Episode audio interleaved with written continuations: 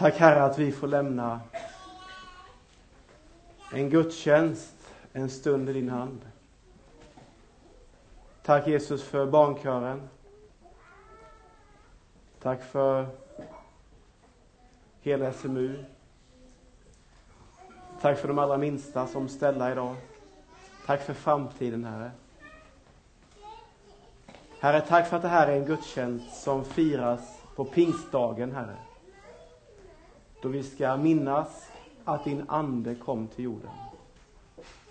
Herre, jag ber att du ska komma med din heliga Ande till vår gudstjänst just nu. Herre, kom med din Ande och rör vid oss. I Jesu namn. Amen.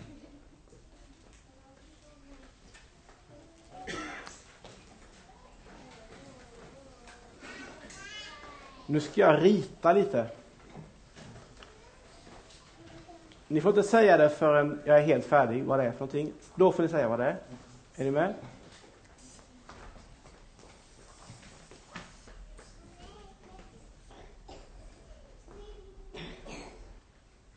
Nu är det träd. Det är inte en svamp. Det är ett träd. Vad bra. Idag är det pingstdagen.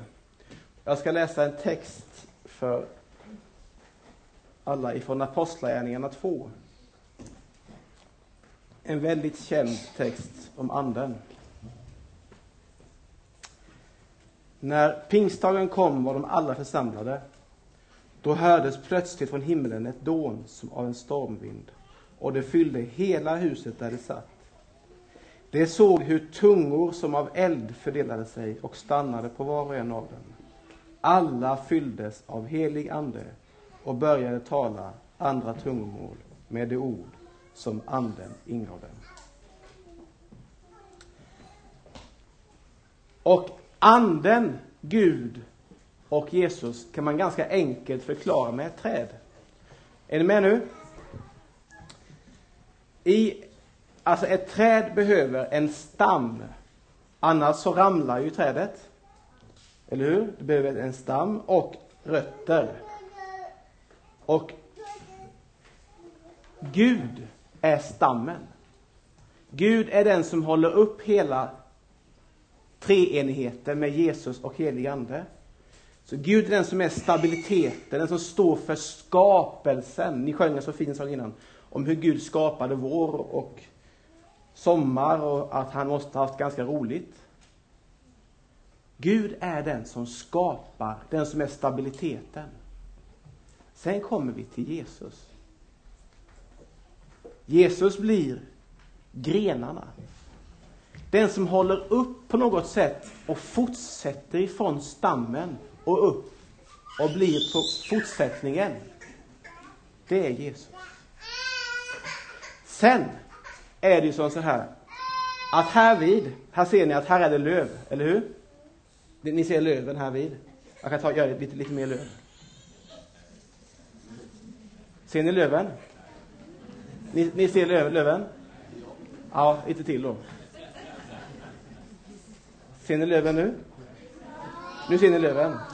Men där är inga löv. Löven kan symboliseras av anden. Det är det som visar att trädet lever. Och anden är det som visar att tron lever. Så nu gör jag så här, nu, nu, nu ska jag trolla. Nu börjar det leva igen, ser ni det? Ser ni hur livet kommer?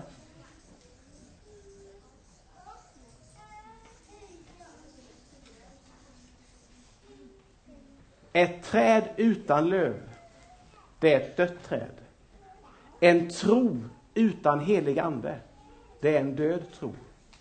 Det är ingen levande tro. Treenigheten är Fadern, stabiliteten, Jesus, grenarna och anden, lövet, det som visar att det lever. Nu kommer utmaningen till oss idag. Vi kan påverka hur mycket löv vi har i vår tro hur mycket levande löv vi har i vår tro. hur vi talar, hur vi är, hur vi är mot människor, med vilka ord vi använder.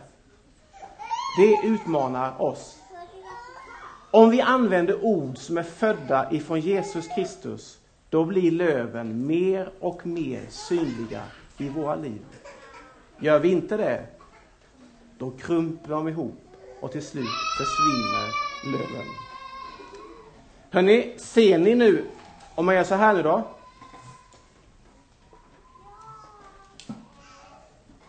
En, ett träd måste ju ha en koja också, eller hur? Har ni någon koja hemma? Då ska ni bygga det i eftermiddag.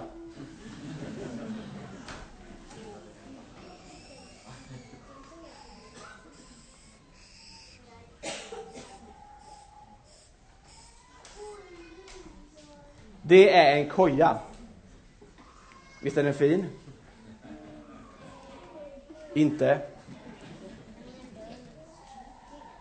Mitt bland löven så finns det en koja. Och mitt i anden så finns församlingen. Anden gör att församlingen blir levande. Anden gör att vår tro blir levande. Då behöver vi utmanas av tanken. Blir vi levande? Söker vi livet? Söker vi helig ande? Så att vår tro blir levande och finns precis i livet, precis som kojan gör här. Hörrni, nu är jag oerhört imponerad för ni har varit så duktiga. Ska vi be en bön tillsammans?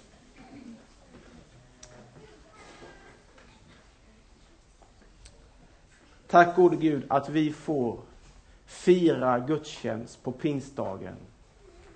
Och vi fick läsa, Herre, att du kom med liv och fyllde var och en av dem med tungor, med liv, med ande. Herre, så att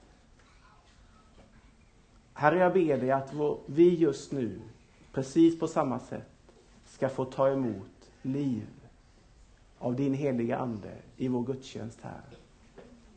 Så att vår tro blir levande precis som ett träd med löv. Herre, jag ber dig, Herre, använd oss, Herre, så att vi får visa på att tron lever i våra liv. Amen.